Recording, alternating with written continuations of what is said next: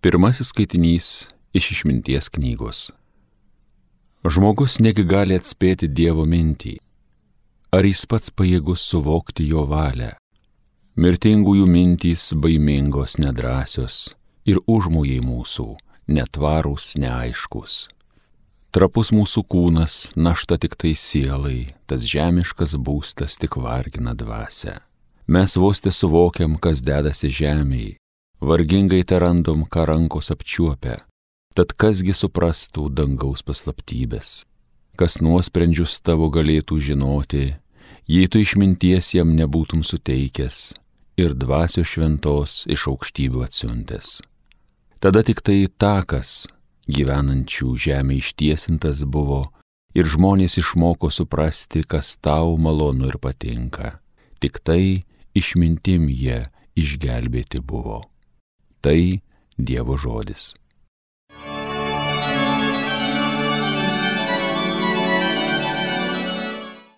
Viešpatie, iš kartos į kartą tu buvai mums globėjas. Žmonėms tu liepi sugrįžti į dulkes, grįžkit žmonijos vaikai, tu byloji, juk tavo akivaizdoj tūkstantis metų, kaip diena vakarykštė praėjus, kaip nakties prabėgęs ketvirtis. Viešpatie, iš kartos į kartą tu buvai mums globėjas. Pašalini žmogų kaip rytmečio sapną, kaip tą žaliuojančią žolę. Ryte jinai žydi žaliuoja, vakare nukirsta jau sudžiūsta viešpatie, iš kartos į kartą tu buvai mums globėjas. Išmokyki mūsų skaičiuoti, kiek dienų mūsų amžiui, kad mūsų širdis išmintinga paliktų. Viešpatie grįžki, ar dar ilgai dėlsi, būki savo tarnams gailestingas. Viešpatie, iš kartos į kartą tu buvai mums globėjas. Tu atgaivinki mūsų savo malonę ir šūkausim, džiūgausim per dienas, kol gyvuosim. Būk viešpatie Dieve mums geras, padaryk mūsų rankų darbus sėkmingus, mūsų rankų darbus palaimink. Viešpatie, iš kartos į kartą tu buvai mums globėjas.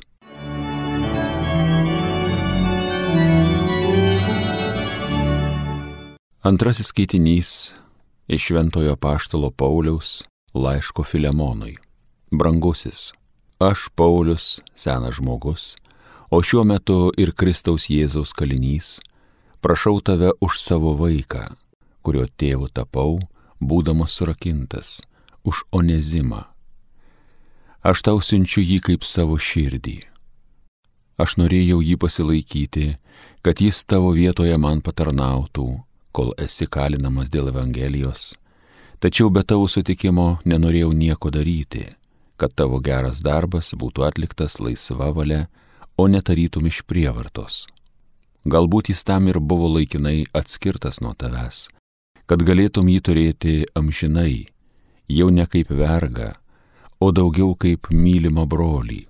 Jis ypač brolis man, o juo labiau tau, ir kaip žmogus, ir kaip krikščionis. Tad jeigu laikai mane savo bičiuliu, priimk jį kaip mane. Tai Dievo žodis. Alleluja,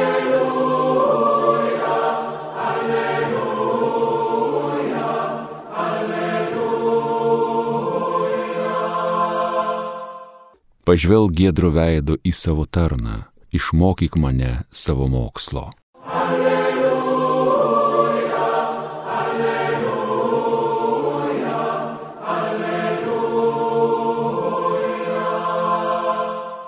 Evangelija pagal Luką. Kartu su Jėzumi ėjo gausios minios. Atsigręžęs jis tari žmonėms. Jei kas ateina pas mane, bet nebrangina manęs labiau už savo tėvą, motiną, žmoną, vaikus, brolius, seseris ir netgi savo gyvybę, negali būti mano mokinys. Kas neneša savo kryžiaus ir neseka manimi, negali būti mano mokinys. Kas iš jūsų, norėdamas pastatyti bokštą, pirmiau atsisėdęs neskaičiuoja išlaidų, kad įsitikintų, ar turės iš ko užbaigti, kad kartais, padėjus pamatą ir nebaigus, žmonės matydami nesišaipytų iš jo ir nesakytų, šitas žmogus pradėjo statyti ir neįstengia baigti. Arba koks karalius, traukdamas į karą su kitu karaliumi, pirmiau atsisėdęs nesvarsto, ar turėdamas dešimt tūkstančių kareivių, pajėgs stoti į kovą su tuo, kuris atsiveda dvidešimt tūkstančių. Jei ne, tai anam dar toli esant siunčia pasintinius tartis dėl taikos. Taip pat kiekvienas iš jūsų, kuris neatsižada visos savo nuosavybės, negali būti mano mokinys. Girdėjote viešpaties žodį.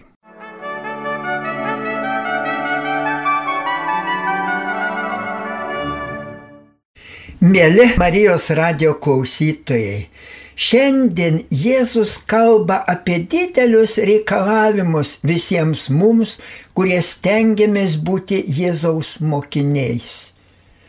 O ir pirmasis skaitinys iš išminties knygos ir psalmė primena Dievo didybę ir žmogaus gyvenimo trapumą. Net ir tūkstantis žmonijos metų Dievui yra kaip diena vakarykštė praėjus. Ir žmogaus gyvenimas lik žolė ryte žydinti, o vakarė jau sudžiūvusi. Visą tai sugretinus, apie tai susimaščius, kyla troškimas viską pačiam įvertinti, tarsi suskaičiuoti. Tad su psalmistu ir prašome Dievą pagalbos. Viešpate, išmokyk mūsų skaičiuoti, kiek dienų mūsų amžiui, kad mūsų širdis išmintinga paliktų. Atrodytų lengva suskaičiuoti. Nežinome, kiek yra metuose ir mėnesiuose dienų, bet jas įvertinti sudėtinga. Nes mūsų gyvenimo dienos daugiausia yra kasdienybė. Ryte keliamės, dirbame, valgome, vakare gulamės. Ir visą laiką tas pats pirmadienis, antradienis, trečiadienis, penktadienis ir vis taip pat ir taip pat. Tokia yra kasdienybė. Yra ir nuovargio, ir įtampos, ir pasisekimų, ir nesėkmių, ir skausmo, ir kryžių. Net ir Jėzus gimė kasdienybės sunkumuose ir gyveno juose. Ir savo žodėje šiandien Jėzus pabrėžia, Kas nori būti mano mokinys, kasdien turi nešti savo kryžių ir sekti mane. Taigi tas kasdien, ta sunki kasdienybė. Kasdienybėje prieš subatą Jėzus buvo ir nukryžiuotas. O mes žmonės vis trokštame švenčių. Žinome nuostabu, kai šventės su Dievu maldoje. Bet kaip daugelis žmonių savo daro šventės alkoholis, net narkotikai, vis kitos vadinamos meilės ieškojimas. O rezultatai? Pasaulio statistika jau skelbia, kad dažniausia mirties priežastis nuo 15 iki 59 metų amžiaus - AIDS. O nuo tos lygos nėra jokių skiepų, jokios išgydymo galimybės. Štai koks likimas gydytojos Katarinos Bėr. Ji 30 metį rašė. Viską atiduočiau, kad tik galėčiau iš savo gyvenimo ištrinti tą dieną. Ta diena, kai sutikau tą vyrą. O prieš tai ji jautėsi tokia viena, vieniša. Internete paskelbė, kad ieško draugų. Iš penkisdešimties atsiliepusių vyrų Išsirinko 32 metų tokį mielą, linksmą šnekų vyrą. Toks jis pasirodė jai, kai sutiko jį. Atrodė, kad jis tiesiog spinduliuoja meilę. Ir ji niekiek nesusimaščiusi atsidavė jam. Tik po to jis pasisakė, kad jau kelis mėnesius serga AIDS. Po mėnesio Katarina pasitikrino, ji neščia ir serganti AIDS. Po trijų dienų paaiškėjo, kad ir kūdikio laukia toks gyvenimas. Ir vis tik ji nesutiko daryti aborto, nes aiškiai jautė, kad tai žmogžudystė. Dar daugiau, jis susituokė su tuo vyru. bet jų bendras gyvenimas pasidaro toks baisus, kad po kelių mėnesių ji nebegali į jį nepažiūrėti. Nežmoniškas piktumas, žiaurios skirybos ir tenka gyventi iš mažos socialinės paramos. Bet vis tiek jį džiaugiasi, kad dukrelė auga, kad kiekviena diena jie yra tiesiog Dievo dovana. Ir kaipgi čia su psalmistu neprašysi, išmokyk Dievę suskaičiuoti, kiek dienų liko mūsų amžiui. Dievas davė pakankamai sunkumų, leido susirgti, kad pajuščiau dvasinius dalykus, į kuriuos anksčiau spjaudžiau. Juk taip atsitiko ir šventajam Ignacui Lojolai, ir jaunuoliui iš Dostojevskio brolių Karamazovų. Sunkios lygos ištiktas jis susimastė ir pajuto, pajuto, kad tik dabar pradeda tikrai gyventi. Su džiaugsmu ryte atbūdo. Atėjusi gydytojui jis klausė, daktarė, ar dar visą dieną gyvensiu? Gydytojas atsako, ne tik šią dieną, bet daugelį dienų gyvensi, netgi mėnesius ir metus. O jaunuolis, kamgi bereikia mėnesių ir metų, tik vienos dienos užtenka laimiai patirti, atsakė jaunuolis ir tęsė. Kodėl mes žmonės ginčiamės, kodėl didžiuojamės prieš kits kitą, kodėl net leidžiame viens kitam, o kad mylėtume vieni kitus ir džiaugtumės vieni kitais ir šlovintume Dievą už gyvenimą, tada būtų laimė. O gydytojas, atėjęs į jaunuolio motinai, sako, jūsų sunus tarsi ne iš šio pasaulio, lyga jį apsvaigino, tarsi apgirdė. Gydytojas nesuprato jaunojo ligonio laimės jausmo, o šis kalbėjo žiūrėdamas pro langą paukščiai, medžiai, gėlės, pievos, dangus.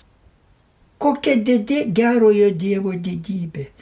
Aš nemačiau viso to, nes gyvenau nuodėmėse ir gėdoje. Šitai išgirdus, norisi vėl tarti, mokyk mus skaičiuoti dienas viešpate, kad susimastytume. Kiekvienoje dienoje yra Dievo žinia, stebinanti mus, Ta žinia sako mums, kad šviesa nugali tamsą, o gyvenimas nugali mirti. Dievas niekada nepraranda kantrybės su mumis. Ir kiekvieną dieną jis kviečia pradėti naują gyvenimą. Ir kiekvieną dieną pajuntame tokius nuostabius dalykus, kokiu to iki tol ne nenujautėme. Toks pergyvenimas perkelė tą Dostojevskį jaunuolį į aukščiausios laimės būklę. Tokiame laimės stovėje kompozitoriai ir poetai kasdien vis kūrė naujus himnus. O kad diena būtų sėkminga, labai svarbus rytas. Teologas Romano Gvardinį rašo, argi nematai, kaip daug visa priklauso nuo pirmų dienos valandų. Jos tai pradžia Žinoma, galima pradėti ir be pradžios, be minčių, be valios pastangų. Tada nebus tikros dienos, tik laiko švaistimas be prasmės, tik laiko skudurai. Kiekvienoje dienoje yra visas tavo gyvenimas. Dažnai pakanka vienos dienos, kad patirtum ar laimę, ar nelaimę. Kiekvienas rytas turi atnešti atsinaujinimą, naują pradžią, vis naują troškimą tapti geresniu, didesniu. Ir taip kasdien žingsnelis po žingsnelio auga mumise tikras žmogus. Tai nepaprastai, nepaprastai jautė aktorius Ernstas Ginsbergas. Paralyžiuotas jis prarado kalbą, nebegalėjo kalbėti, bet rašyti kalbėjo. Tada ir parašė maldą prašau viešpatė tave, duok jėgos, didelės jėgos ištverti šią mažą, mažą mano dieną, kad tuo didžiuoju keliu eičiau pas tave mažai žingsneliais, kad eičiau tik pas tave. Mėly, brangus Marijos radio klausytojai, tokia malda tinka kiekvieno mūsų rytui, kad pajustume, ką Dievas mums dovanoja, kad net susimastytume, paskaičiuotume, kiek Dievo dovanų gauname. Amen.